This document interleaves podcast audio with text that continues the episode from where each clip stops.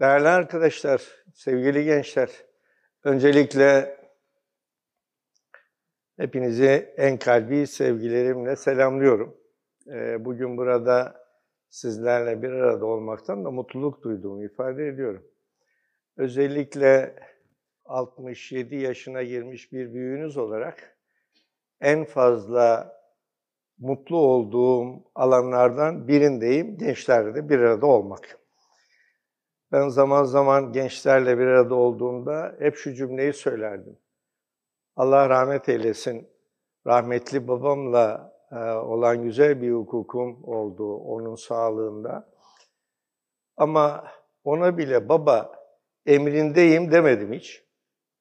Ama gençlerle bir arada olduğumda zaman zaman gençlere, çocuklar emrinizdeyim demişimdir.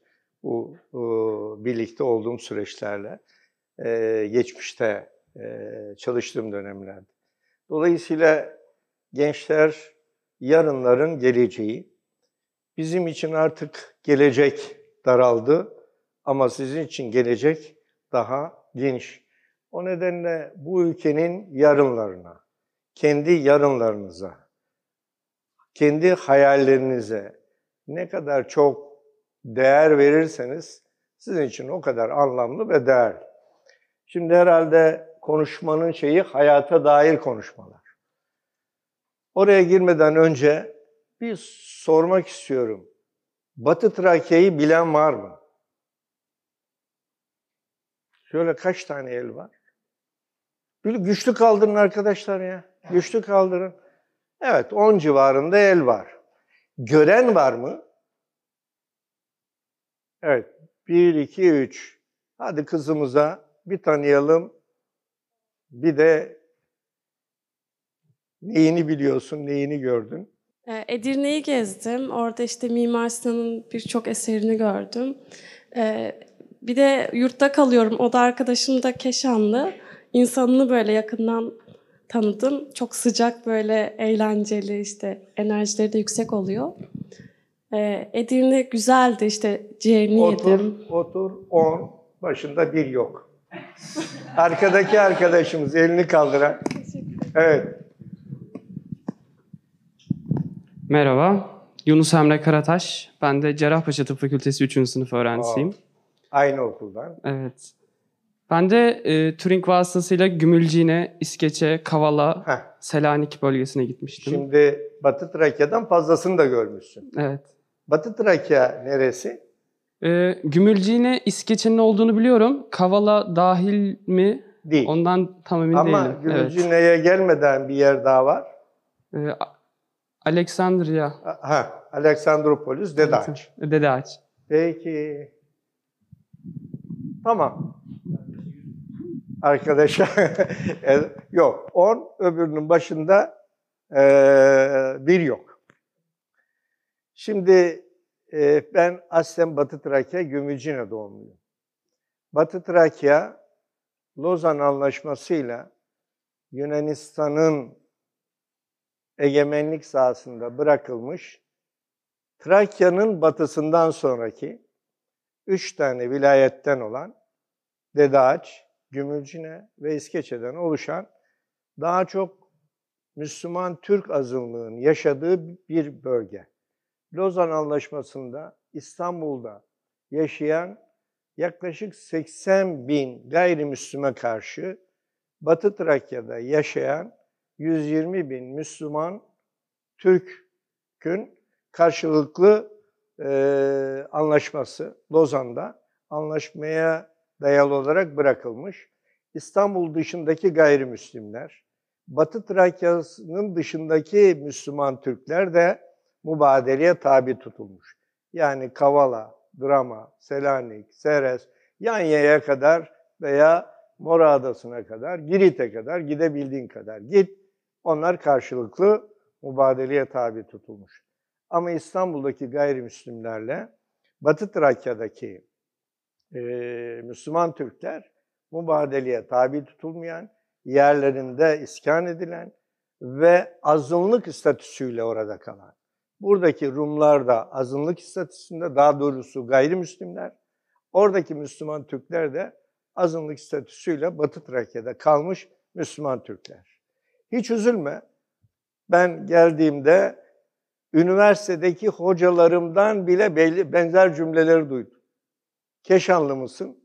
Uzun köprülü müsün? Edirneli misin? Nerelisin diye sorduğu, sorulduğunda Yunanistanlıyım demek biraz bana zor geliyordu. Batı Trakyalıyım diyordum. Ondan sonra hemen cevap. Edirne'nin neresinden? İpsalalı mısın? Keşanlı mısın? Tabii acı bir tablo. Yüreğimizi, beni özellikle o yaşlarda çok üzen bir tablo. Trakya'nın batısından sonrasını duy, bilmeyen bir vatandaş kitlesi demiyorum. Bir eğitim kitlesi yani lisede, üniversitede bu, bu soruyla çok veya bu cevapla çok karşılaştım. O nedenle bizim bu anlamda ciddi bir problemimiz var. Hatta zaman zaman şunu söylerim. Körfez Savaşı olduktan sonra bu ülke insanı Musul ve Kerkük'ü acaba bizi ilgilendiriyor mu Musul Kerkük'ü diye konuşmaya başladı. Vatandaşı değil, entelektüel kitlesi. Sovyetler Birliği çöktü. Biz Bosna'da, orada katliamlar var. Bosna'da Müslüman kardeşlerimizin var olduğunu duymaya başladık. İşte Bulgaristan'da neredeyse soykırım, asimilasyon yapılıyor. Çocuklar erkek, çocuklar sünnet edilemez. Atlar Türkçeden Bulgarca'ya değiştiriliyor.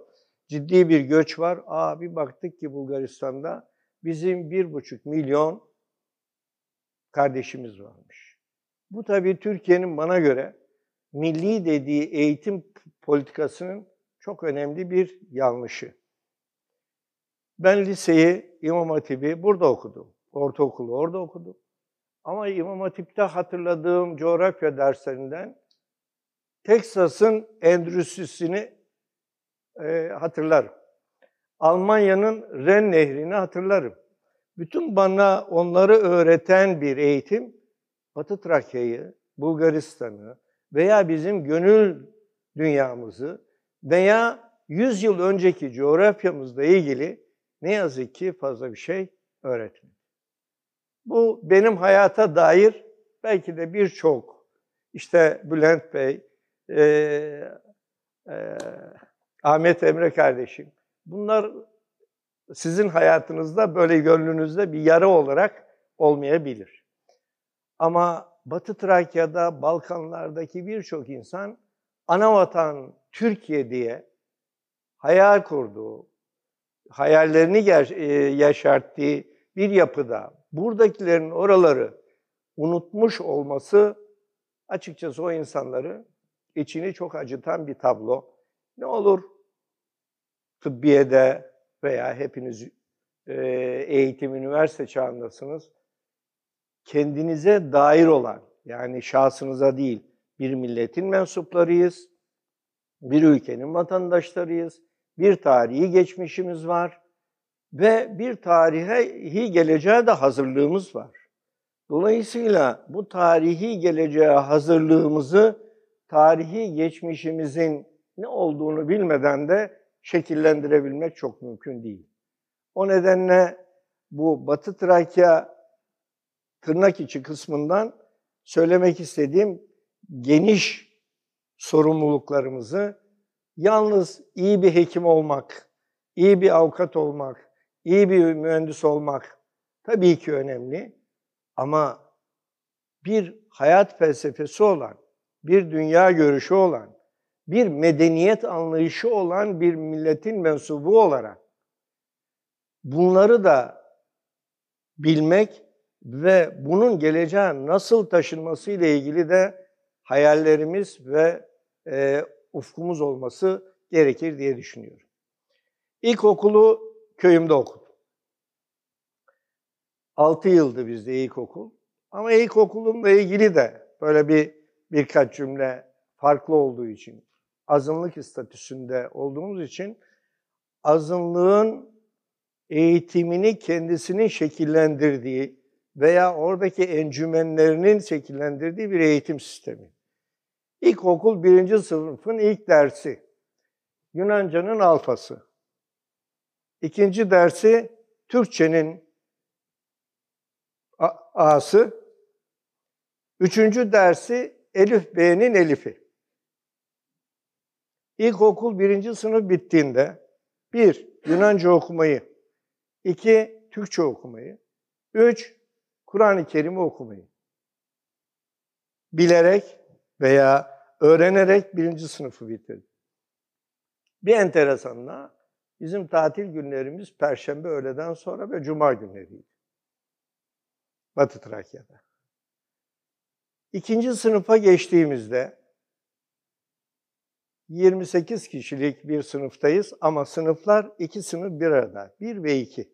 Bir taraftan birinci sınıflar Elif Bey'i öğrenirken bir taraftaki ikinci sınıflara da işte yarın şu yarım sayfa senin, peşindeki yarım sayfa senin Kur'an-ı Kerim'den yarımşar sayfalık okumalarla ilkokul ikinci sınıfta Kur'an-ı Kerim'i hatmettik. Ve ilk defa Kur'an-ı Kerim'i hatim eden çocuklara köy bazında etraf köylerin de katıldığı hatim törenleri yapılır. Ben hiç unutamam onu. Ve içimdeki üzüntülerden biri de odur. Benim o yaşadığım duyguyu bu ülkede, ana vatanda benim çocuklarım yaşayamadı. İşte o zaman bizim, bizim çocukların koşullarında veya çocuk oldukları dönemde Kur'an kurslarının pozisyonunu da siz muhtemelen ancak tahayyül edebilirsiniz. Ve ilkokul 2 bittiği zaman biz hatim törenlerinde hediyeler verilen, hocalarına da hediyeler veren, küçük baş veya büyük baş hayvanların kesildiği, kazanların kaynatılıp pilavların, ayranların dağıtıldığı, etraf köylerden binli insanların katıldığı törenlerle ilkokul 2'de hatim ettik. Ondan sonra her yıl, 6 sene, her yıl baştan sona kadar bir hatim mecburiyetimiz var. Üçüncü senede de tecvide göre hatim etmek, tecvid kurallarına göre. Üçüncü sınıfta ilmihal bilgileri. Yani işte İslam'ın şartı, imanın şartı, namazın içindeki dışındaki farzlar, 52 farz, işte bütün bunlar. İlkokul 2. 3. sınıfta ilkokul öğretmenimiz o sınıf öğrencilerini okulun bitişindeki camiye götürür. Sen öğle namazının sünnetini kıldır bakalım. Diğerleri izler. Sen geç sabah namazının farzını kıldır bakayım. İzler. Mesela ben hiç unutmam rüküde bardak, su bardağı belinizin üzerinde devrilmeyecek şekilde duracaktır. İşte kızlar nasıl bağlanacak, erkekler nasıl bağlanacak? Secdede dirsekler erkeklerde nasıl duracak, kadınlarda nasıl duracak, kızlarda? Bunları biz 8 yaşında öğrendik. Öğrendik. Dördüncü, beşinci sınıfta bunları geliştirdik. Beşinci sınıfta bakın çocuklar buna eski Türkçe derler ama bu eskimez Türkçe diyerek Osmanlıca iyi öğrendik. Ve Osmanlıca ile birlikte Türkçe ve Osmanlıca hüsnuhat yani güzel yazı derslerimiz vardı. İlkokul 5'te. 6'da da benzer şekilde devam ettik. Şimdi burada özet olarak ne söylemek istiyorum? Burada özet olarak söylemek istediğim şu. Benim okuduğum o dönemde Batı Trakya gibi bir yerde ilkokulu bitiren bir çocuğun kendisine yetecek hem İslami hem milli hem de o ülkenin tarihi coğrafyası, o ülkeninkini okuyoruz. Dil de dahil. Kendisine yetecek kadarını öğreten bir eğitim sisteminden geçtik. Ondan sonra din, din adamı olacaksa bırak gitsin medreseye İmam Hatip'e. Ama doktor da olacaksa, mühendis de olacaksa, avukat da olacaksa İslam'la ilgili, Müslümanlıkla ilgili kendisine yetecek bilgileri ilkokulda o dönemde aldık. Ve sonra ben buraya İmam Hatip'e geldiğimde çok şeyi yadırgadım. O ben bunu 5 yine 11 yaşında 5. sınıfta öğrenmişim. Aa şunu işte 12 yaşında şurada öğrenmişim. Bunun dışında yalnız bu değil. Mesela 4. ders sınıftan sonra fen bilgileri var. Matematikle birlikte tabiat bilgisi, kaldıraç, kaldıraçla ilgili laboratuvarlar. Ve kafanızı çok e, şişirmek istemiyorum ama eğitimdeki problemimizle ilgili işte daha önce bakan yardımcılığımızı da yapmış abimiz de veya hocamız da burada. Bizim problemimizin köklü problemlerimiz neredeyi algılamanız için veya bunu yeniden kendi beyin ve gönül dünyanızda tartışmanız için söylüyorum. Biz şimdi ilkokuldan sonra işte 4 artı 4 ile işte e, no isteğe bağlı, talebe bağlı, şuna bağlı, buna bağlı bir şeyi vermeye çalışıyoruz. Halbuki ben Türk'üm ve Müslümanım kardeşim. Türk'üm ve Müslümanım. Bu benim en büyük kimliğimi oluşturan sıfatlar. Bununla ilgili ne varsa bana sistemin öğretmesi lazım. Ve mecbur olunan diğerlerinden önce mecbur olarak öğretmesi lazım. Hani matematiği mecbur, Türkçe bilmeyi mecbur, işte ne bileyim ben coğrafya bilmeyi mecbur da ya ben Türk'üm diyorum, tarihim, coğrafyam, medeniyet derlerim, ben Müslümanım diyorum. İslam'ın e, ruhu nedir, özü nedir? Bunu öğretmeyen ve bunu laiklik cümlesi arkasına gizleyen bir anlayışla biz geleceğe medeniyet oluşturamayız. Yine Yunanistan'dan örneği vereceğim. Ortaokul kısmında gündüz medreseye gidiyorum. Akşamları da sanat okuluna gidiyorum. Sanat okulu Rum. Rum öğrenciler var. 109 öğrenciyiz e, sınıfta. Böyle bir e, kalabalık grup. Ama 9'u Müslüman Türk, yüzü veya 101'i de e, Hristiyan Yunanlı. Bir ay sonra okul idaresi çağırdı. Dedi ki sanat okulu bakın arkadaşlar. Din derslerine girmek istiyor musunuz, istemiyor musunuz? Bunu yalnız bize sordu. Yunanlılara sormadı. Onlar mecbur. Ama biz Müslüman olduğumuz için Yunanca, e, Yunanların verdiği din bilgisi Hristiyanlık derslerine e, girecek misiniz, girmeyecek misiniz? E, tercihe bağlı. Ben gireceğim dedim, girdim. Diğer arkadaşlar girmeyeceğim dedi, girmedim. Yani ne öğretiyorlar, ne var, ne yok.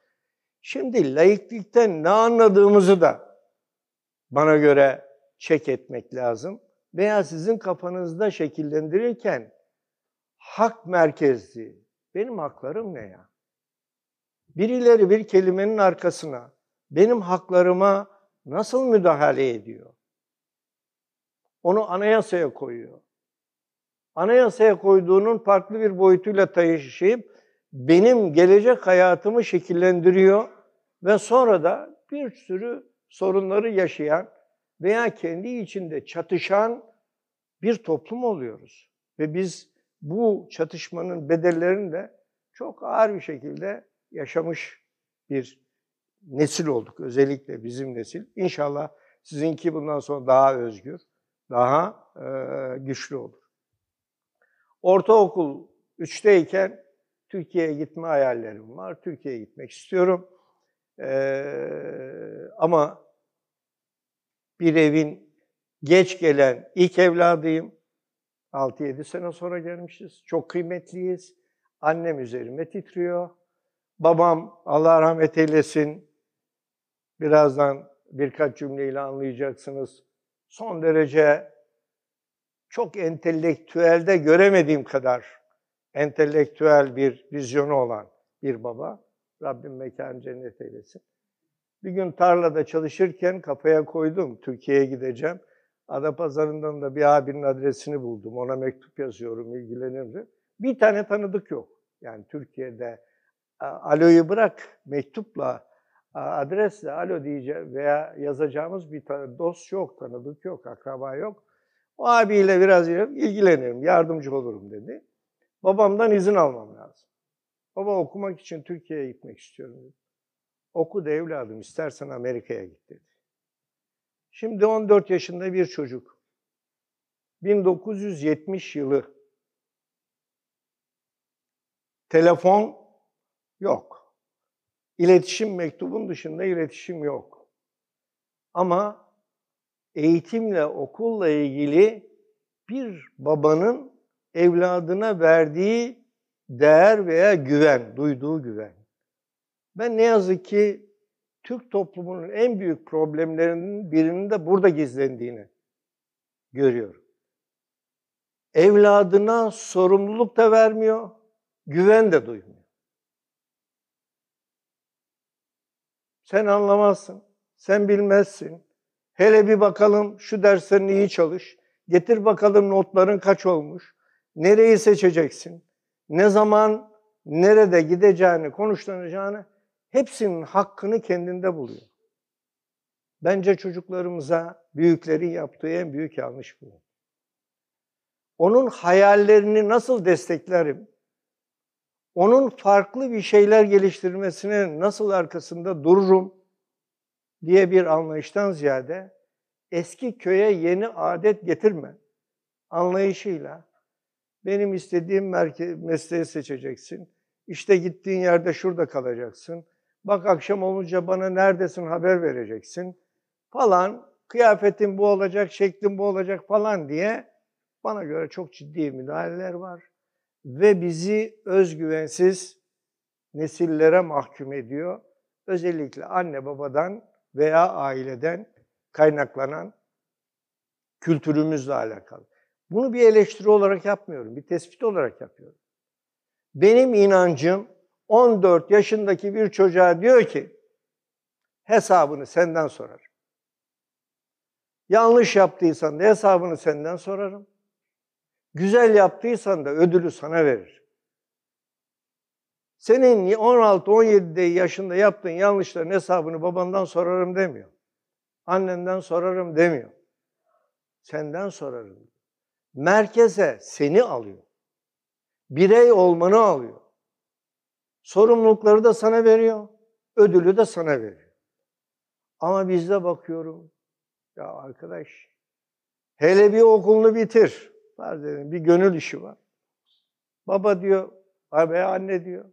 O dur bakalım kızım diyor, daha okulunu bitir. Hele bir ayakların üzerine dur. Hele bir ekmeğini kazan. Hele bir master'ını yap. Peki bu hak senin mi? Benim mi? Önce hakkın kime ait olduğunu teslim et. Şu mesleği seçme hakkı bana ait mi, sana ait mi? Şimdi siyaset konuşmayacağım ama siyaset ayaklarımdan birkaç örnek vereceğim. 2002 yılı AK Parti İstanbul İl, e, İl Yöneticisiyim. Yeni kurulmuşuz. Haziran ayında bir panele gittik. Panelde davetliyiz. İnsan hakları, Türkiye'de insan hakları paneli. Hocalar var. Biz de davetliyiz. Aşağı yukarı salonda da böyle 150 civarında katılımcı var. Tabii bir hocamız çıktı. Anayasadan kaynaklanan insan hakları ihlalleri dedi. Anlattı. Hepsi doğru. Diğer bir hocamız çıktı. Yasalardan kaynaklanan insan hakları ihlalleri dedi. O da haklı. O hepsi doğru. Diğeri çıktı yönetmenliklerden kaynaklanan anlattı. O da doğru. Diğeri çıktı uygulamalardan kaynaklanan dedi. O da doğru. Ve yaklaşık iki saat sonra ara verildi. Aradan sonra da karşılıklı hocalar oturdu. Dedi ki interaktif soru cevap. Tabii biz o zamanları AKP'li diye böyle daha yeni kurulmuşuz. Ee, böyle bakışlar biraz daha e, şey soğuk. Bekledim birkaç kişi soru sorsun ondan sonra ben elimi kaldırayım. Neyse birkaç kişi soru sordu. Ondan sonra ben şey yaptım. Buyurun dedim. Dedim ki hep bu dört başlığa da aynen katılıyor. Ama bu dört başlığın bana göre haklar ihlali anlamında paranın bir yüzünü anlattınız veya problemin bir ayağını anlattınız. Diğer ayağına hiç kimse değinmedi. Tabii hoca hemen hayırdır dedi. Ya neye değinmedi? Dedim ki hepinizden bir istirhamım var. Ne olur? Bir iki üç saniye, beş saniye gözlerinizi kapatın. Aynen böyle ayaktayım. Gözlerinizi kapatın. Kapatın gözlerinizi. Benim haklarımı ilk ihlal eden kim? Bu sorunun cevabını herkes kendi içinde bir arasın. Benim haklarımı ilk ihlal eden kim? Bizim kuşak büyük oranda annesini buluyor. Büyük oranda babasını buluyor. Büyük oranda dedesini buluyor. Büyük oranda dayısını buluyor. Büyük oranda amcasını veya ağabeyini buluyor. Şimdi anne ne diyor? Seni ben doğurdum diyor. Seni ben emzirdim diyor. Bak sütümü helal etmem diyor. Baba diyor ki seni ben büyüttüm. Seni ben okuttum. Beni dinlemezsen seni evlatlıktan reddederim. Buna varan cümleler. Ne zaman ne yapacağını. Şimdi uzatmayayım. Ama devlet de bunu yapan anne baba bunu meşru görüyor. Özellikle ben İslam dünyasının bunu meşru görüyor olmasından da rahatsızım. Onun için biz 200 yıldır, 300 yıldır medeniyet oluşturamıyoruz. Haklara müdahaleyi kendimize hak olarak görüyoruz. Çocuk hakları İslam'ındır şeyi, orijini. Patenti İslam'a ait olması lazım. Ama bugün çocuk haklarını İslam'la yan yana, kadın haklarını İslam'la yan yana, çevre haklarını İslam'la yan yana getirmekte zorlanıyoruz. Niye içselleştirmişiz? Kadın haklarım. Ya hele ona sonra. Bak bir sürü problemimiz var. Ona sonra. Çocuk haklarım. Şimdi onu mu konuşacağız kardeşim ya? Falan ona da sonra. Ona da sonra. Elimizde ne kalıyor biliyor musun? Oğlunun veya kızının ah iyi bir diploması olsa. İyi diploması ol. Ah bir de iyi geliri olsa. İyi bir geliri olsa, ah bir eş, iyi de bir eşi olsa da bana torun versin. Kalıp bu. Arkadaşlar, bir öz eleştiriyi kendi vicdanlarımızda ve aklımız, aklımızda, akıl ve vicdanı mutlaka devreye sokmamız lazım. Onun için hak ihlallerine itirazınız büyük olmalı. Benim haklarımı önce bir teslim et. Sonra evet senin dediğini de bu şerhle yaparım. Yine rahmetli babamla ilgili söyleyeyim.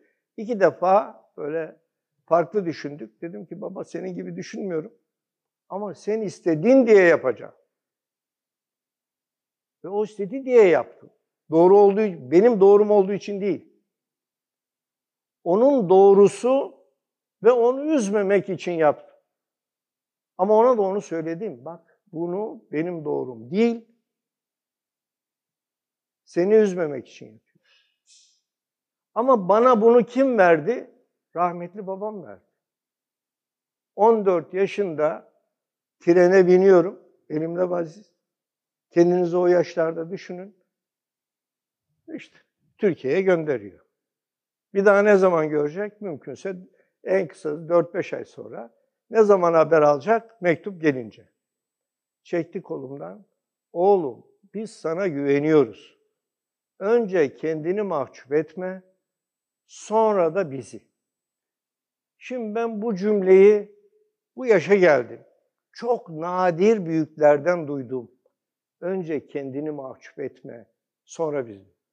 Beni mahcup etme diyor annesi.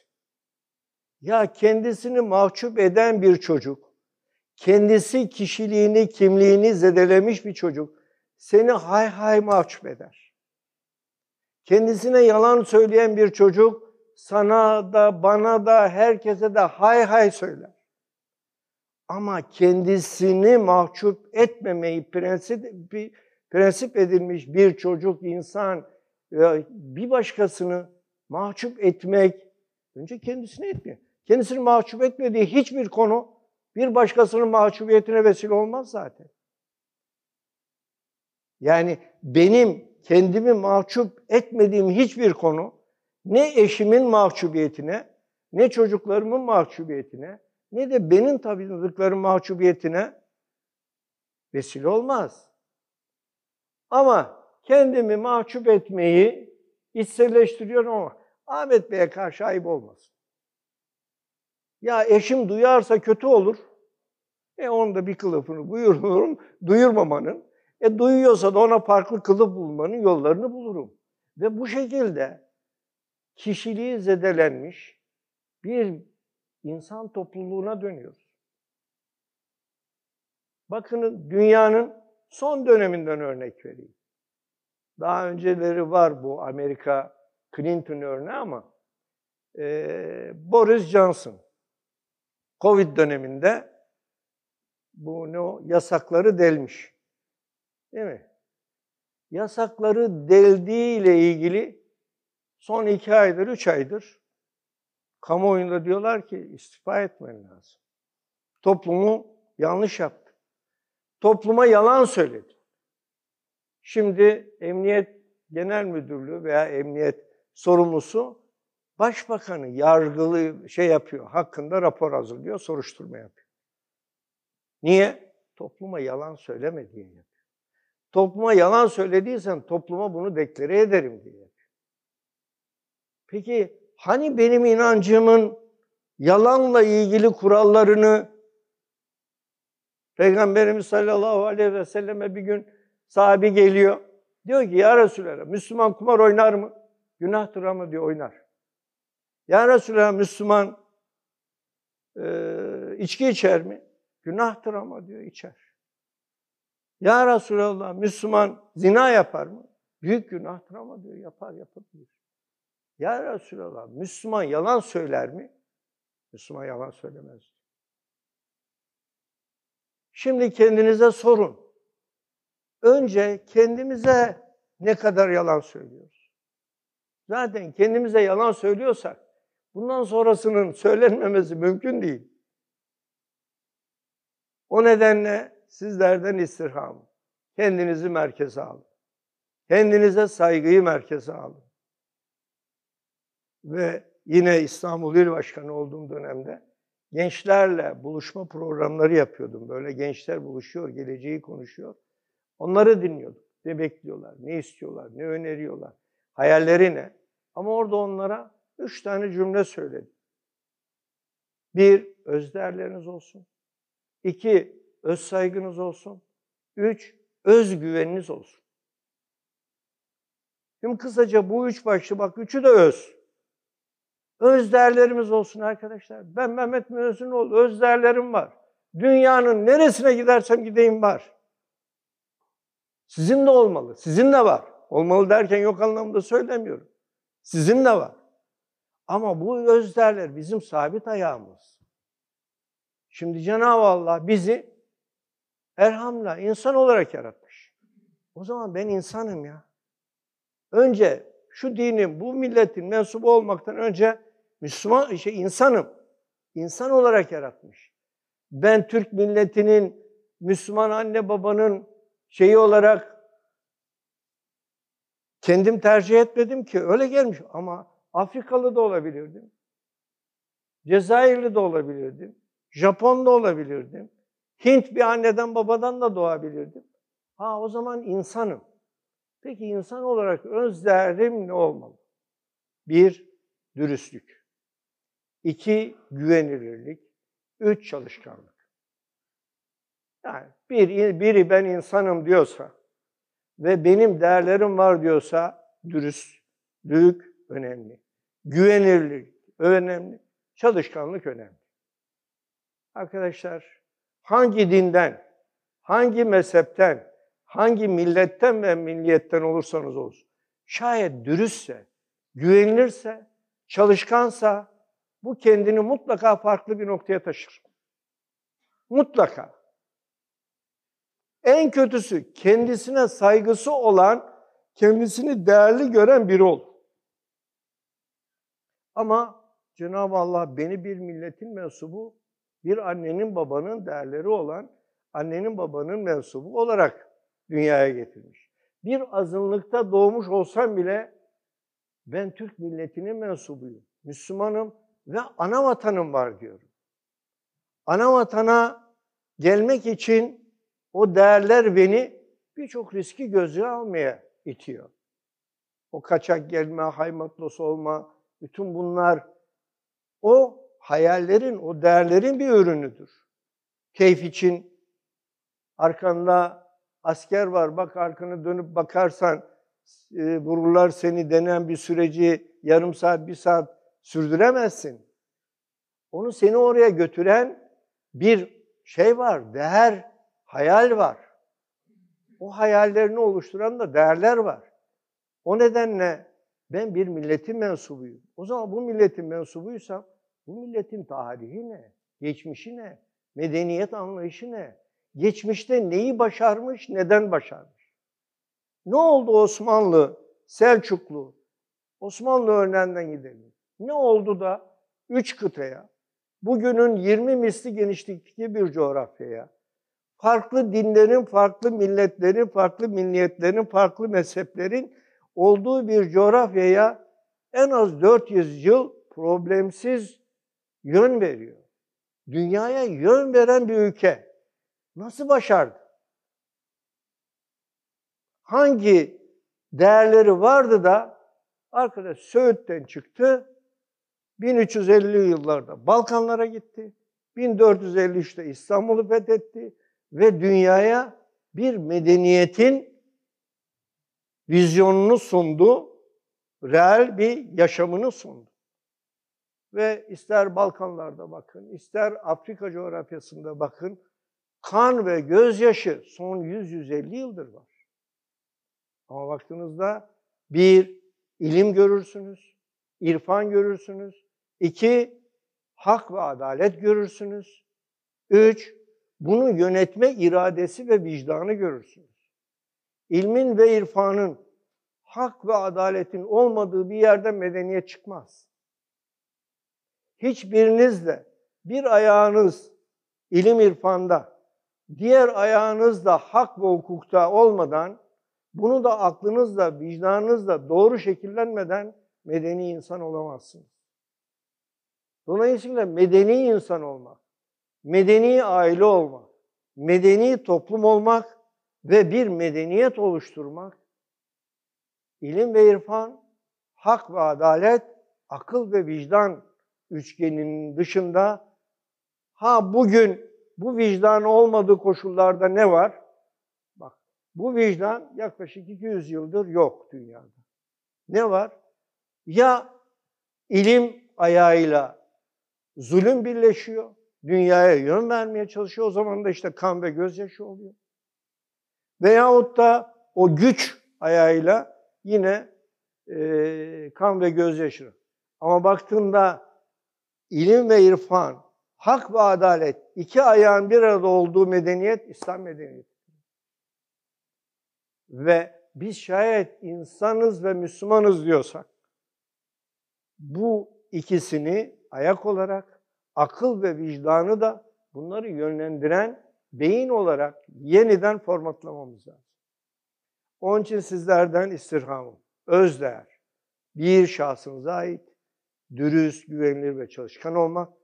İki, mensubu olduğunuz milletin medeniyet değerlerini iyi bilmek, iyi içselleştirmek ve onu hayat felsefenizin yol haritanızın merkezine koymak.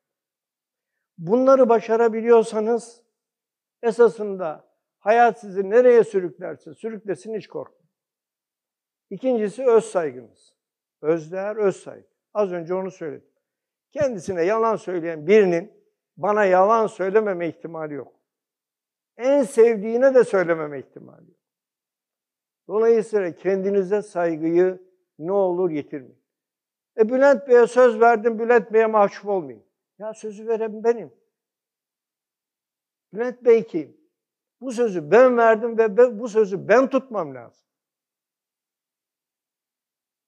Size geleceğim diye o sözü Bülent Bey'e ben verdim. Bülent Bey'i mahcup etmemek için onu yapıyorsam kendime haksızlık ediyorum. Kendime saygısız davranıyorum. Kendime verdim o sözü. Pazar mı olur, cumartesi mi olur? Bütün hepsini konuştuk. E kar yağıyor ama. Ya gençler geliyorsa kar da yağsa gideceğiz. Yeter ki gençler gelebilsin. Benim de ulaşımım imkansız hale gelmesin. İmkansızsa yapacağım bir şey yok. Dolayısıyla öz saygınız sakın yitirmeyin. Üçüncüsü özgüven. Arkadaşlar, şimdi bizim kitle veya bizim çocukluğumuzun bu salonunu düşündüğümüzde bizim en büyük sorunumuz hala olduğuna inanıyorum. Biri de özgüven. Ya ben dürüstüm, çalışkanım, kendime de ama böyle. Kapıyı çalmakta çekiniyoruz. Ya niye çekineyim kardeşim? Niye çekineyim? Öbür tarafta her türlü hileyi yapan, her türlü hurdayı yapan, bunu hekimliğimden tan- bilirim. Gelir Mehmet amca, ben işte geçen hafta okula gitmedim, bana üç gün rapor. İşte orada babasının şımarık oğlu diyeyim böyle. Ama öbür tarafta Kur'an kursundan çocuk gelir. Neyin var oğlum? Karnım ağrıyor demekten korkar. Ya oğlum şu başını bir dik tut. Bir dik tut. Hastalığını anlatacaksın ya. Ama niye? O kursta anne baba muhtemelen gariban zaten şey. Kursta da hocalar ezdi. Böyle içine kapanık, ürkek. Şimdi arkadaşlar bizim Cenab-ı Allah'ın karşısını, huzuru dışında başımıza eğeceğimiz hiçbir şey yok ya. Bu ister annem babam olsun, ister İstanbul'un valisi olsun, ister Sayın Cumhurbaşkanımız olsun. Bu saygısızlık değildir. Doğru olduğuna inandığımı söylemektir. Doğru olduğuna inandığım yolu seçmektir. Hesabını belki bugün ona vereceğim. Kimse o büyüğümüz. Ama yarın beni Yaradan'a vereceğim ya. Esas hesap beni Yaradan'a vereceğim günkü hesaptır. Benim karşılıklı hesaplaşacağım. Diğerinde de kendimi mahcup etmemektir. Kendime olan hesabımda. Akşam yatağa yastığımı, yastığa başımı koyduğumda vicdanım ha Mehmet bugün şurada şurada şurada şunu eksik yaptın. Bu sana yakışmadı. Bunu vicdanım diyor bana. Ha burada burada da bunu daha çoğaltman lazım. Arkadaşlar akıl ve vicdanınızı her zaman ama her zaman yine yol haritanızın e, belirleyicisi olarak şekillendirin. Ben saati de unuttum. Gençleri bulunca da kendimi kaybediyorum. Dolayısıyla özet olarak şunu söyleyeyim. Ee, özler, öz saygı, özgüven. Yine bazen derim üç kelime Japonca bilmem. Bugün beni Japonya'nın bir köyüne böyle bıraksalar. Ondan sonra bırakıp gitseler. Hiç. İki ay sıkıntım olur. Hepsi o kadar. İki ay sonra Japonya'da kendi kendini idare edebilen, namerde muhtaç olmayan bir hayatı kendime şekillendiririm. Özgüvenden kastım budur. Ve özgüven, şimdi annenize, babanıza tabii ki güvenin. Öğretmeninize, hocanıza, buradaki Bülent Bey'e tabii ki güvenin. Birbirimize güvenmeden hayat şekillenmez. Ama birinci sıraya kendinize olan güveninizi koyun. Çünkü benim kendime olan güvenim ben son nefesimi verinceye kadar benimle beraber. Ama anneme babama olan güvenim babam rahmetli oldu. 23 yıl oldu. Anneme Rabbim sağlıklı uzun ömür versin. Ee, elhamdülillah 90 yaşında. Ee, iyi bir şey. Ben de mutluyum, o da mutlu. Ama o bıraktı. Birçok işte okulumda, okulumdaki arkadaşlarım da, güvendiğim müdürler, güvendiğim çalıştığım patronlar, güvendiğim siyaseten işte, e, Sağlık Bakanlığı, Çalışma Bakanlığı yap. Bu onlara güvenmiyorum anlamında değil. Ama benimle beraber adım atan, şu konuştuğum her cümlede var olan kendime olan güvenimdir. Bu ne kadar güçlüyse ben geleceğe o kadar iddialı bakarım. Ama bu ne kadar zayıfsa benim iddialarım o kadar azalır. O nedenle iddia merkezi kendinizsiniz. Başkası değil. Ve örnek olarak da bir başka ülkede doğmuş, bir başka ülkenin vatandaşı olarak 29 yaşına kadar yaşamış. Sonra 4 yıl bu ülkede Haymatlos yani dünya vatandaşı olarak kalmış. Sonra 1986'da Türkiye Cumhuriyeti vatandaşı olmuş. 86'da. Sonra da bu ülkede bakanlıklara kadar farklı makamlarda hizmet etme iyi, iyi nasip olan bir ağabeyiniz. Bunların hepsinin anlamı var mı? Var. Ama en anlamlı ne? Benim vicdani huzurum ya.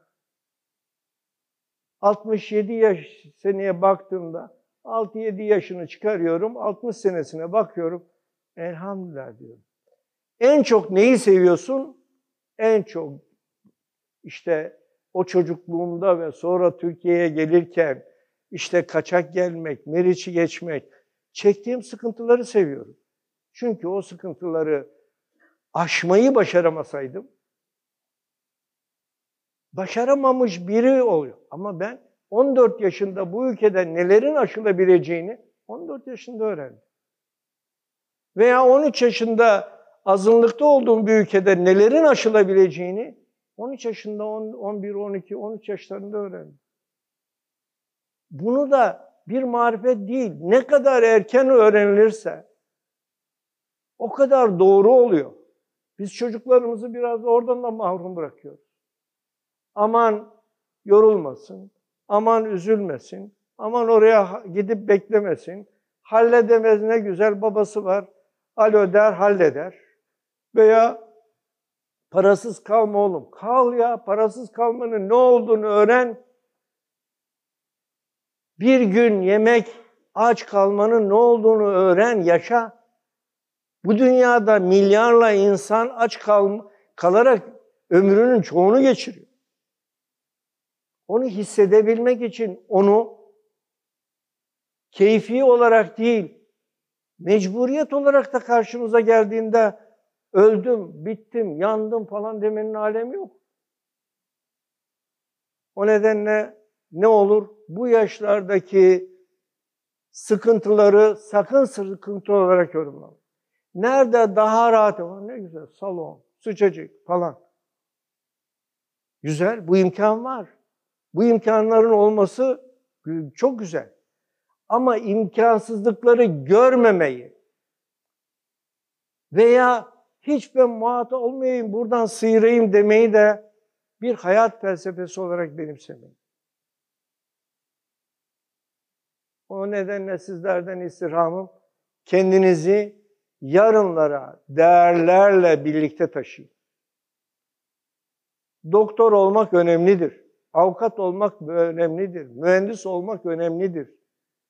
Ama arkadaşlar, önemlinin peşinde koştuğunuz kadar değerlinin de peşinde koşun. İyi hekim olmak değerlidir. Vicdanlı hekim olmak değerlidir. Çok para kazanan hekim olmakla hekimliğinin hakkını vererek iyi hekim olma peşinde koşma arasında fark vardır. Bakarsın işte şimdi duyuyoruz filan doktor filan alanda bir numara. Ama ondan randevu almak çok zor. Ondan randevu aldığında bu kadar faturası var. Ancak bunlar bunlar bunları ameliyat eder. Şunları şunları şunları etmez. Bugün o arkadaşımız çok önemli. Çok önemli. Niye? O işi en iyi yapıyor. Ama acaba yarın çok değerli olarak kalacak mı? O ameliyatı olmak zorunda olup da olamayanların, ona ulaşamayanların onlara ha ne kadar iyi insanmış, iyi hekimmiş diyecek mi? O nedenle terazinin iki ayağını mutlaka dengeleyin. Bugün konuştuğumuz, tarihi geçmişten konuştuğumuz insanların hepsi yaşadıkları günde önemliydiler. Fatih Sultan Mehmet Han Hazretleri o gün çok önemliydi. Ama bugün değerli. Bugün önemli değil. Niye? Yok çünkü. Ama değerli. Mimar Sinan o gün çok önemliydi. Ama bugün değerli. Önemli o gün de çok önemli insanlar vardı. Mimarından, yöneticisinden, bilmem neyinden. Bugün birçok alanda önemli insanlar var ama onlardan kaçı yarın değerli olarak anılacak? O ona ne kadar değer verdiyse o ondan sonra. Hani gök kubbede Hossa'da. Allah biz büyüklere gök kubbede Hossa'da bırakabilmeyi nasip etsin. Teşekkür ediyorum.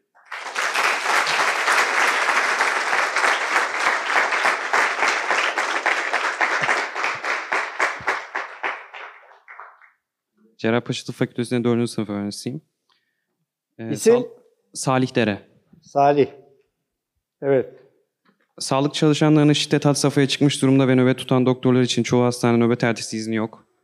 36 saat çalışmak zorunda kalan bir sürü hekim var. Çalışma şartları bu durumdayken 8 Mart'ta Cumhurbaşkanı Erdoğan hekimlerle ilgili yaptığı açıklama hakkında Sağlık Bakanlığı yapmış biri olarak ne düşünüyorsunuz? Teşekkür ederim. Evet.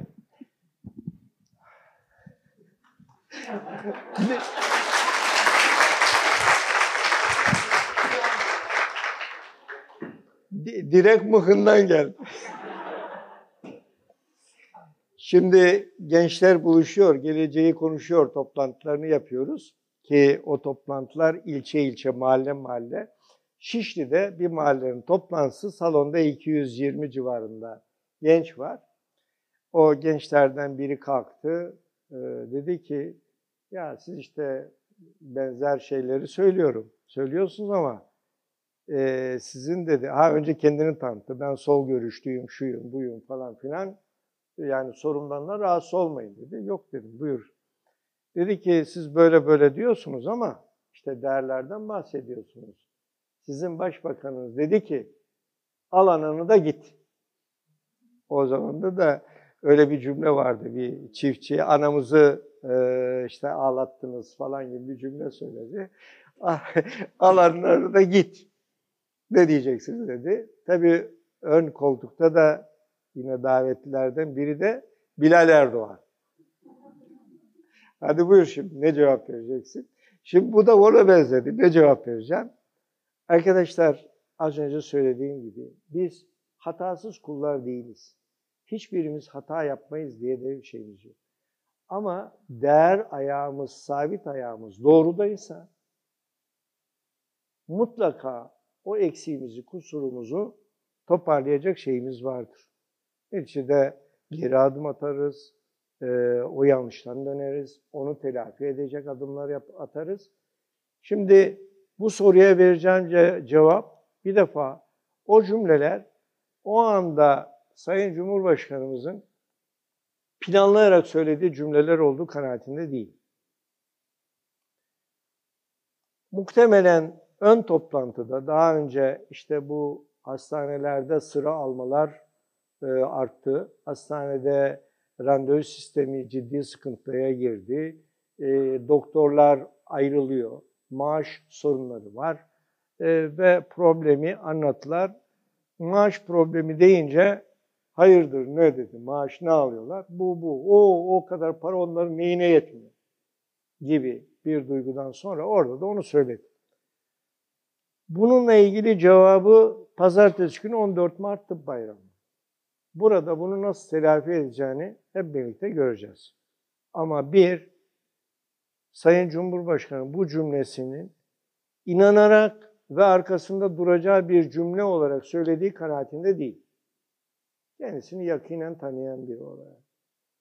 Yanlış bir cümle olarak görüyorum. Onda ne söylüyorum? Bir, e, onun döneminde onunla birlikte gerek başbakan gerekse cumhurbaşkanı olduğu dönemlerde Sağlık Bakanlığı yaptı. Zaman zaman buna benzer e, kamuoyuna benim dönemimde olmadı ama Recep Bey'in döneminde oldu kamuoyuna yansıyan. Ee, iç toplantılarda zaman zaman benzer e, şeylerimiz, itirazlarımız da olmuştur. Olmalı da. Çünkü neticede e, ortak akıl, istişare e, olacaktır. Bu bir istişarenin ürününden ziyade o anda duygusal olarak çıkan e, cümleler olduğu kanaatindeyim. İstişare sonrası çıkacak cümleleri pazartesi günü ben sabırsızlıkla bekliyorum. İnşallah telafi edecek cümleler gelecektir. Sağlıkta şiddet esasında bizim dönemimizde artan, daha önceki dönemlerde de olan e, bir süreç. E, biz hasta haklarıyla sağlık yönetici hakları arasındaki denge eskiden biz iktidar oluncaya kadar neredeyse yüzde doksan vatandaşın aleyhineydi. Yani ben e, asistanlık yaptım, baş asistanlık yaptım, hekimlik yaptım. Hasta hakları diye bir başlık. Bizim 80'li yıllarda, 90'lı yıllarda öyle bir şey yoktu. Hasta ceketini ilikleyecek, başını eğecek, kasketi varsa kasketini çıkaracak, el pençe gelecek, doktor can istiyorsa azarlayarak da şey yaparak da can istiyorsa bakacak. O süreçlerden biz hasta haklarını çok üst noktaya taşıdık. Problem yok mu? Var. Her gün milyonla iletişimin olduğu, hasta ve hekim iletişimin olduğu bir süreci yaşıyoruz. Ve karşındaki de hastaya veya hasta yakın. O nedenle sürtüşmeli bir alan veya gerilimli bir alan. Bana göre çok olağanüstü problemler yok. Olağanüstü olan şu, hasta haklarıyla sağlık çalışanı hakları arasındaki denge sağlık çalışanların aleyhine döndü. Bunu yeniden hakim hakları gibi yani bir emniyet teşkilatında çalışanın hakları çok nettir. Hakim hakları çok nettir. Ama hekim haklarına baktığın zaman normal bir bürokrat gibidir. Burada hekimin yani tedavi yapıyor ve tedavisi matematik değildir hekimin tedavisi. Bir sonunda hüküm vermektir. Hekim, ha, e, hakim ve hakemde üç tane kelimede hüküm verme yetkisi vardır. Hakem hüküm verir, penaltı der. Bitti. Hekim teşhis koyar, ameliyat der. Bunun doğruluğunu, yanlışlığını bir başkası tartışması sonradan olur ama onun gereğini orada yapar. Dolayısıyla sağlık çalışanlarını yeniden koruyacak, ya yeniden derken bu koşullardan daha iyi noktaya e, taşımak e, bana göre e, şart oldu. Bizim dönemimizde bazı düzenlemeler yaptık ama İçişleri Bakanlığı bunu yönetmelikle arzu ettiğimiz noktaya gelmesini engelledi diyeyim. Burada hasta haklarını mutlaka ihmal etmemeliyiz. Ama hastaya o hizmeti sunacak olanın da güvencesini ve korunmasını çok daha iyi daha yapmalıyız. Ee, nöbetler, e, arkadaşlar tabii nöbet kısmında e, bizim dönemlere göre çok avantajlısınız. Yani biz 48 saatleri bile konuşmazdık. Nöbet, nöbet sonrası, mesai, sonra ertesi gün yine nöbet ve mesaili. Şimdi 36 saatlere indi. Doğru buluyor musun dersen doğru bulmuyorum ama e, çözümü akşamdan sabaha var mı? Yok. Çünkü bizim e, şu anda OECD ortalaması ne onu bilmiyorum. E, ne kadar değişti ama değişse bile çok anlamlı değiştiği kanaatinde değilim. OECD üyesi ülkelerde 10 bin nüfusa düşen hekim sayısı ortalama 37. Bizde ise ben 17'de bırakmıştım. Yani 10 bin nüfusa 36-37 hekim düşen OECD ortalaması. Yunanistan'da 72 hekim düşüyor 10 bin nüfusa. OECD ortalaması 37, 36-37 aralığında. Bizde de 17-18 aralığında bıraktım. Belki şimdi 18-19 aralığındadır. Şimdi OECD ortalamasının dan yarısı kadar hekimi olan bir ülkede sağlığı yönetiyorsun. Bu yönetici için de çok. Evet, hekimin, asistanın hakları anlamında önemli. Belki bunu maddi yönden e, daha ideal çözmek gerekir. Ama 24 saat, cumartesi, pazar, bayram, yılbaşı, yani bir saatlik sağlık hizmeti vermiyorum diye bir ihtimal yok. Dolayısıyla hiç kesintisiz bu çarkı döndürmek zorundayız. Vatandaşı mağdur etmeyen sağlık hizmeti almakta mağdur etmeme de yine sabit ayağımız olmalı. Çünkü o mağduriyet bazen birinin annesi, birinin eşi, birinin evladının kaybına netice oluyor. Bunun e, şeyler e, no izahı zor. E, yani bu kaybın parasal bedeli veya zamansal bedelini e, teraziye koyamayız. O nedenle 36 saat nöbetler için bu hekim sayımızda, bu asistan sayımızda herhangi bir bakanımızın çözüm bulma şansı yok. Ama e, bir problemi biz çözdüğümüz için söyleyeyim. 2007 yılına kadar 1986'dan 2007 yılına kadar ki bizim iktidarımızın 5. yılı 2007, 2002'den veya 2003'ten aldığımızda. Türk Tabipler Birliği bunun en büyük sorumlusudur.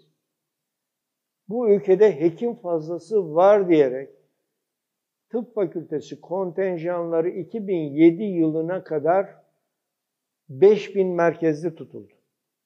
5000, 5100, 4900 bilmem kaç, 5000. Niye? Yeterli hekimi var, hekim fazlası var diye. Biz 2003'ten itibaren arttırmak için uğraştık. Recep Akdağ Bakanımızın bütün gayretlerine rağmen o zamanki GÖK Başkanı hayır dedi. Kontenjanlar arttırılmadı. 2007'de neydi bizim GÖK Başkanımız şimdi bir ara Avusturya mı ne büyükelçisi olmuştu. Neyse bir bakarsanız Google amcadan 2005 YÖK Başkanı bulursunuz.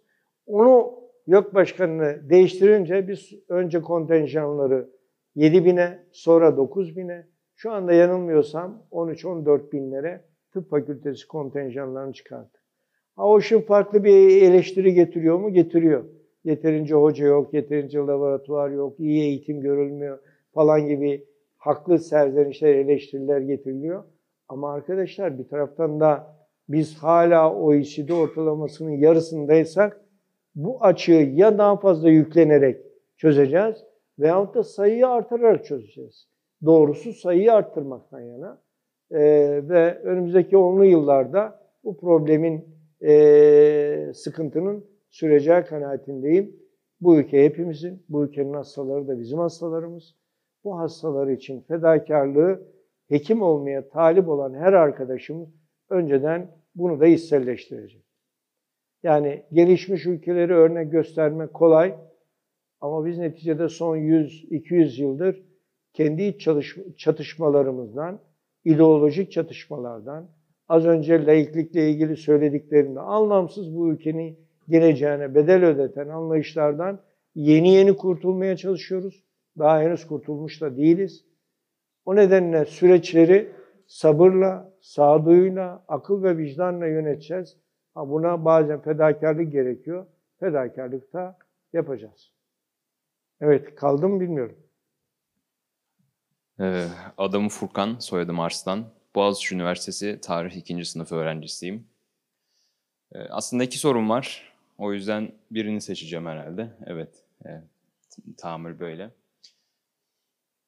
Tamam. Ee, bildiğiniz gibi şehir hastaneleri kuruldu şu an ve e, muntazam büyük yapılarda e, bir sürü yeni makinenin olduğu, e, hastalarla gayet iyi ilgilenildiği, eğer yürüyemiyorsanız içeriden size e, birilerinin gezdirdiği küçük arabalarla çok güzel yapılar yapıldı. Fakat bu hastanelere ulaşım sıkıntısı var. Yani bu güzel e, kaliteli sağlık hizmetine eğer oraya ulaşabilirseniz e, sahip olabiliyorsunuz. Ve şehir merkezlerinden uzaklaştırıldığı için insanlar birçok şehir hastanesinde e, ulaşmada sıkıntı yaşıyorlar şu an. Birinci elden biz Bursa'da anneannemi götürürken sık sık hastaneye gitmesi gerekiyor. Yaşıyoruz bunu mesela. E, Sizce bu e, büyük hastanelerin kurulması uğruna zira şehir merkezlerinde kurulamazdı bu kadar büyük hastaneler. Şehir merkezlerinden çıkartılması kar mıydı? Yani kar zarar tablosunu kurduğumuzda gerekli miydi bunun yapılması? İnsanların ulaşılması, ulaşmasını bu kadar zorlaştırmak e, totalde pozitif bir durum mu? Evet. Ya tabii bu tartışılıyor. Muhtemelen de tartışılacak ama bugün sağlığın geldiği nokta bundan 20 yıl, 30 yıl öncesinin koşulları değil. Ben 86, 82, 86 asistandım. 89'a kadar baş asistan olarak çalıştım. Bizim çalıştığımız koşullarda dahiliye ben. Ultrasonu biz 89'dan 90'lı yıllardan sonra ultrasona ulaştık. Ama şimdi her gittiğimiz ilçe bizden MR, tomografileri istiyor, ilçe. Tıp çok hızlı gelişti ve çok hızla e, teknoloji ağırlıklı olmaya döndü. Bu bundan sonraki süreçlerde daha da artacak. Belki 10 yıl sonra hastane ko- koşulları da 10 yıl, 20 yıl sonra e, bu kadar aranmayacak birçok şey evden, uzaktan bunlar da gelebilir. Ama e, Sayın Cumhurbaşkanımızın da, hükümetin de, Sağlık Bakanı olarak benim de içinde bulunduğum o, o mutfak çalışmalarında e, şehir içinde şu anda her hastanın kolay ulaşabileceği bir aile hekimi var. Kolay ulaşabileceği. Yani en yakında bilemedim 2-3 kilometrede, 5 kilometre. Birincisi bu. İki, hemen hemen bütün ilçelerinde, Bursa örneğini, Bursa'yı da bildiğim için, orada hastanesi de var. Değil mi? Yani Kestel'de var, Gürsu'da var, Nilüfer'de var. Yani Osman Gazi'de var. Şimdi burada da hastanemiz var. Şimdi bundan sonra ne lazım? Çok yönlüye ihtiyacımız var. Bir taraftan böbrek yetmezliği var, bir taraftan serebral dolaşım bozukluğu var. Şimdi bunu niye oraya gitmek zorundasın?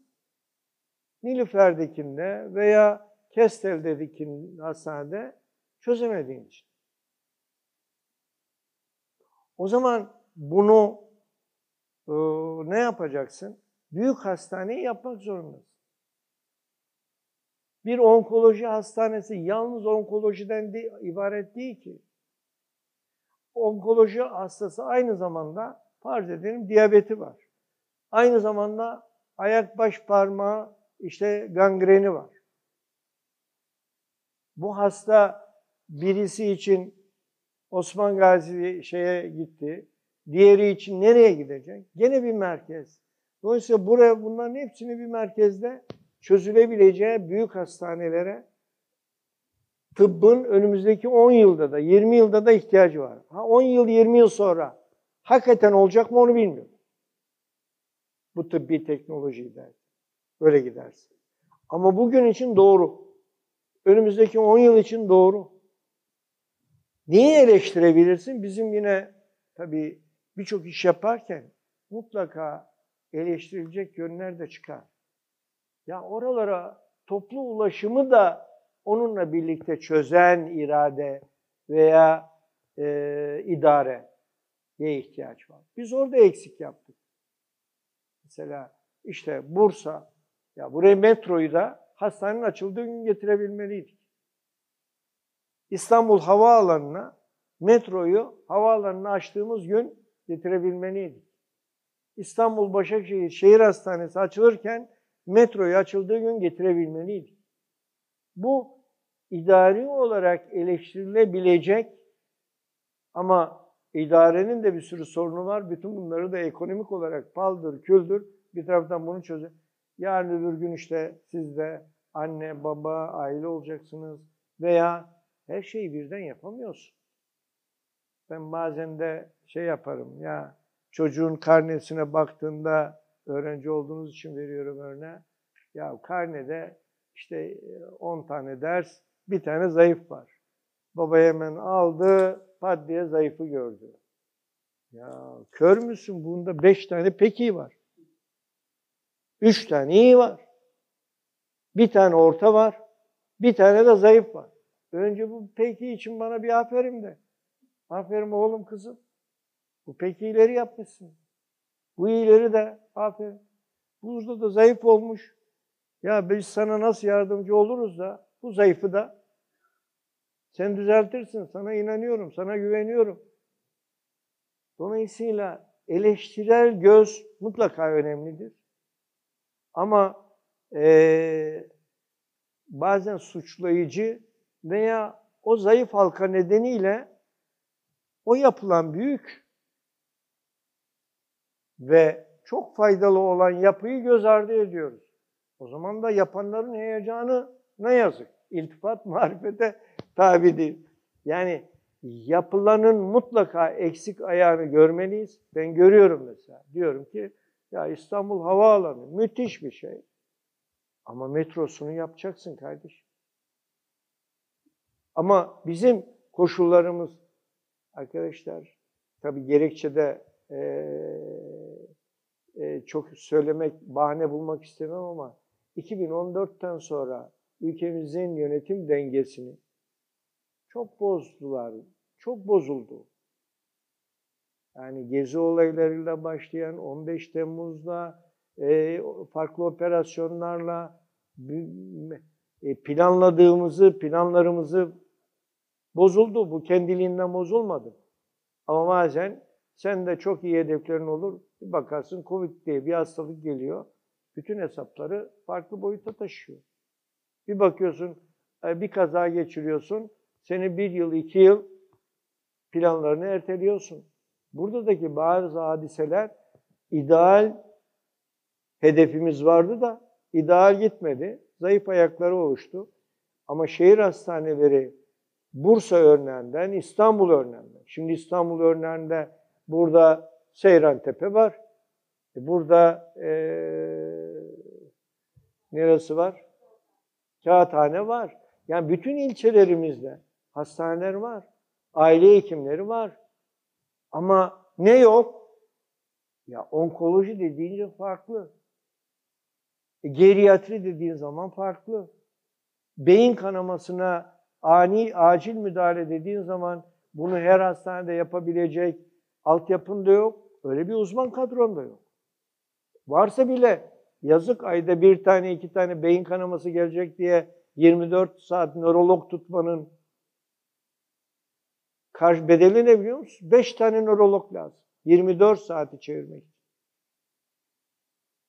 E bir nörologla bitiyor mu? Bitmiyor. Onun için büyük hastaneler, hele hele büyük şehirlerde tek bir problem var, ulaşım. E ulaşım da e artık yani Allah'a şükür herkesin altında arabası var, şeyi var, metro dediğim gibi. Bursa'ya bildiğim kadarıyla metro önümüzdeki bir yılda gelecek. Başakşehir'inki bitti, bitecek.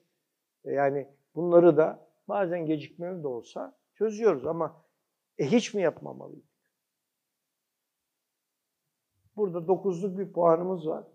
Burada da bir zayıfımız var diye kabul ediyorum. Tamam. Yeterli oldu mu bilmiyorum. Böyle tatmin olmamış gibi bakıyorsun. Yani şeyden hastanelere çok gittiğim için hastanenin kendisinden çok memnunum da uzaklığı işte çok Ama, ama işte şimdi İstanbul'a İstanbul'a 100 tane hastane mi yapalım yakın olsun diye. Ama beyin kanaması dediniz, acil dediniz mesela. Tamam. İşte ambulans helikopterlerimiz var. Az önce bak nöbetlerden bahsettik. 24 saat nöroloji ekibi için 5 tane uzman lazım. Bunu İstanbul'da yapsan yapsan 3 merkezde yapabilirsin. 13 merkezde yapamazsın. 3 merkezde yapacaksın. Çünkü realitesini, planlamasını başka türlü çözemezsin.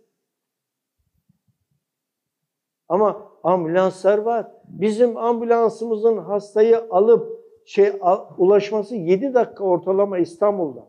Bazen 8-9 dakika oluyor. Ortalama bir hastaya ulaşmamızın süresi devamlı takip edilir. 7-8 dakika. 10 dakikayı geçen her ortalamaya müdahale edilir.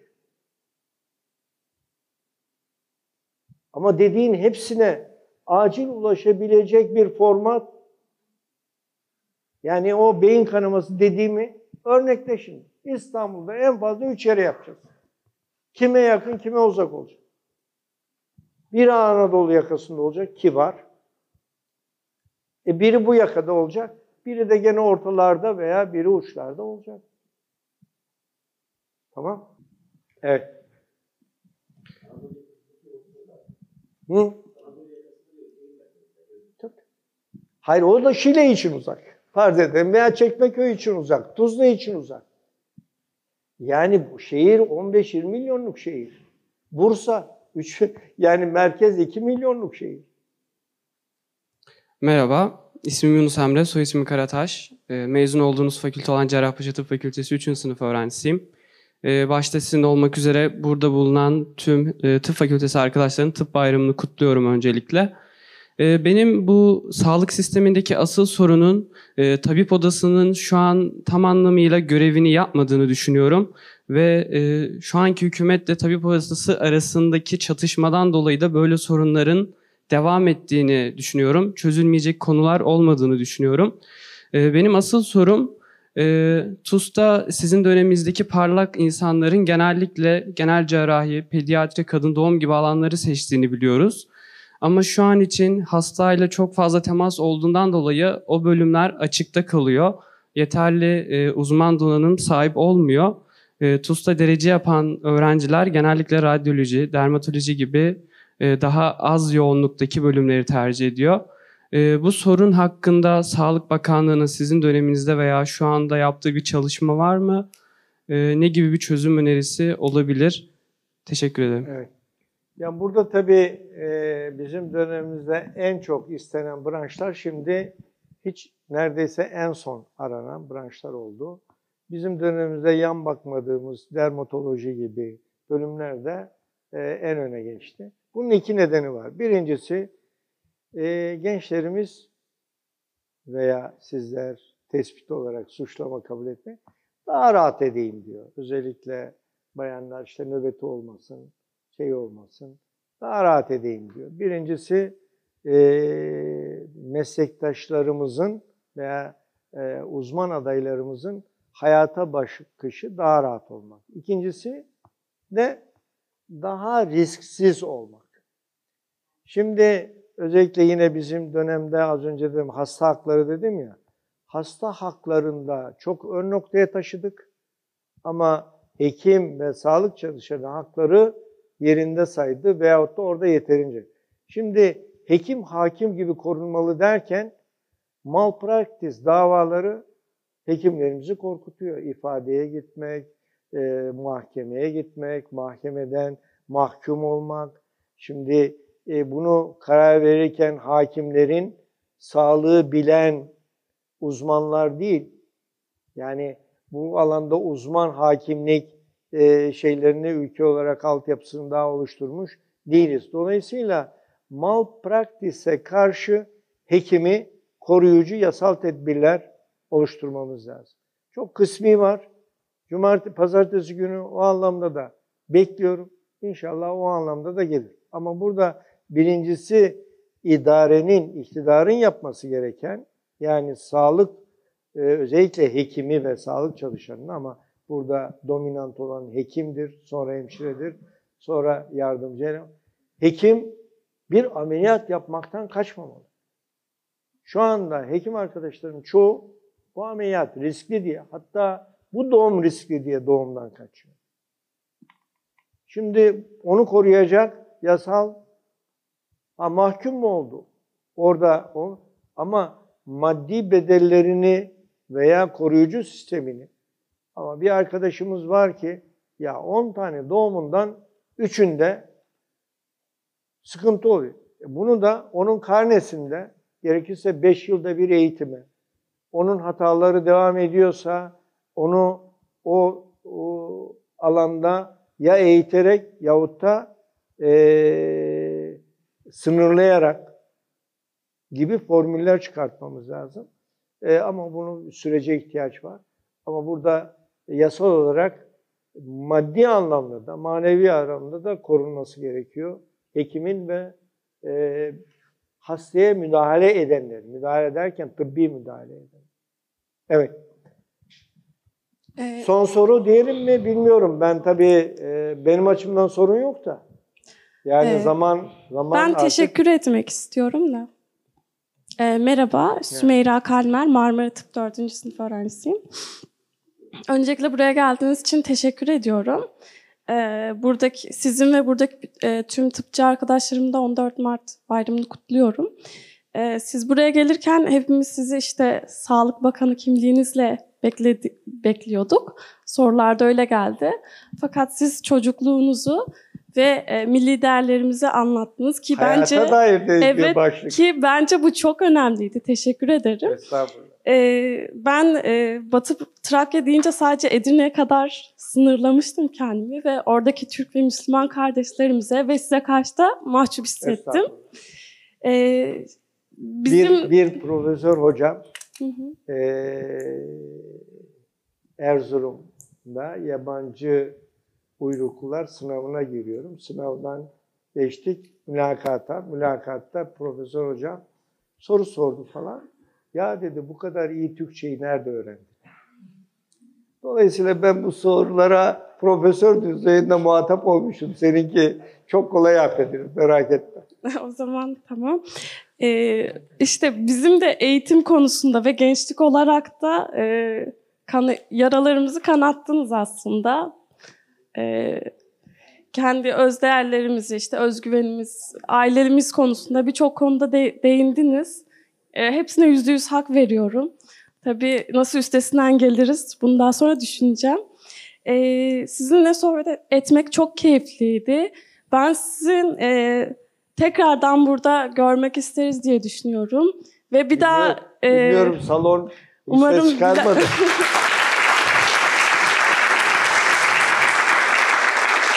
e, Ben baştan kendi taahhüdümü verdim. Emrinizdeyiz dedim. Artık Bülent Bey de, Bülent Bey de ve sordu. umarım bir dahaki söyleşimizde de e, hekimlik yıllarınızı ve Sağlık Bakanlığı yaptığınız yılları anlatırsınız. E, teşekkür ederim. Estağfurullah. Merhabalar, ben de Marmara Tıp öğrencisi, 6. sınıf öğrencisiyim. İsmim Merve. Geldiğiniz için çok teşekkür ederiz ve deneyimlerinizi aktardığınız için de çok sağ olun. Umar, yani bize ışık göstereceğine eminim. E, Benim sormak istediğim soru şu. Biliyorsunuz ki şu anda gündemde olan 5 dakikalık muayene gibi bir muhabbet var. E, ve siz dahiliyeden uzmanlığını almış bir hekim olarak bu konu hakkında ne düşünüyorsunuz? 5 dakikada hasta muayene etmek mümkün müdür? Hastaya yaklaşım nasıl olmalıdır? Bu konuda değişiklik söz konusu mudur? Ee, Bir diğer sorum da intern hakları. Ee, Biz şu an intern olarak çalışıyoruz, intern eğitimi. Hı. Ee, Ve orada hani genelde eğitim almaktan öte yani hastanede eksik olan insan kaynağını tamamlamak için bulunuyoruz. Ee, hani bu konuda herhangi bir düzenleme ya da yürü- yürütmelik falan düzenlemesi mevcut mudur diye sormak istiyorum. Teşekkürler. Evet, e, kısa vadede mümkün değil. Az önce o sorunun bir başka arkadaşım, bilmiyorum Furkan'ın yok. Ee, Salih kardeşim sordu, e, nöbet. Arkadaşlar bizim OECD ortalaması rakamlarını e, 10 bin kişiye düşen hekim sayısını 30'ların üzerine taşımadığımız sürece burada sağlıklı bir planlama şansımız olduğu kanaatinde değil. Dolayısıyla bizim ilave 100 bin hekimi, ilave 100 bin hekimi ne kadar dönemde bu yapının içine, bu grubun içine kattıysak, katabilirsek o zaman bu sorunlar daha planlanabilir olacak. E, ister internle, ister asistanla, hatta uzmanda bir defa sağlıklı, insani ve vicdani bir planlama yapma şansımız bugün için yok. Önümüzdeki beşli yıllarda da olacağı kanaatinde değil.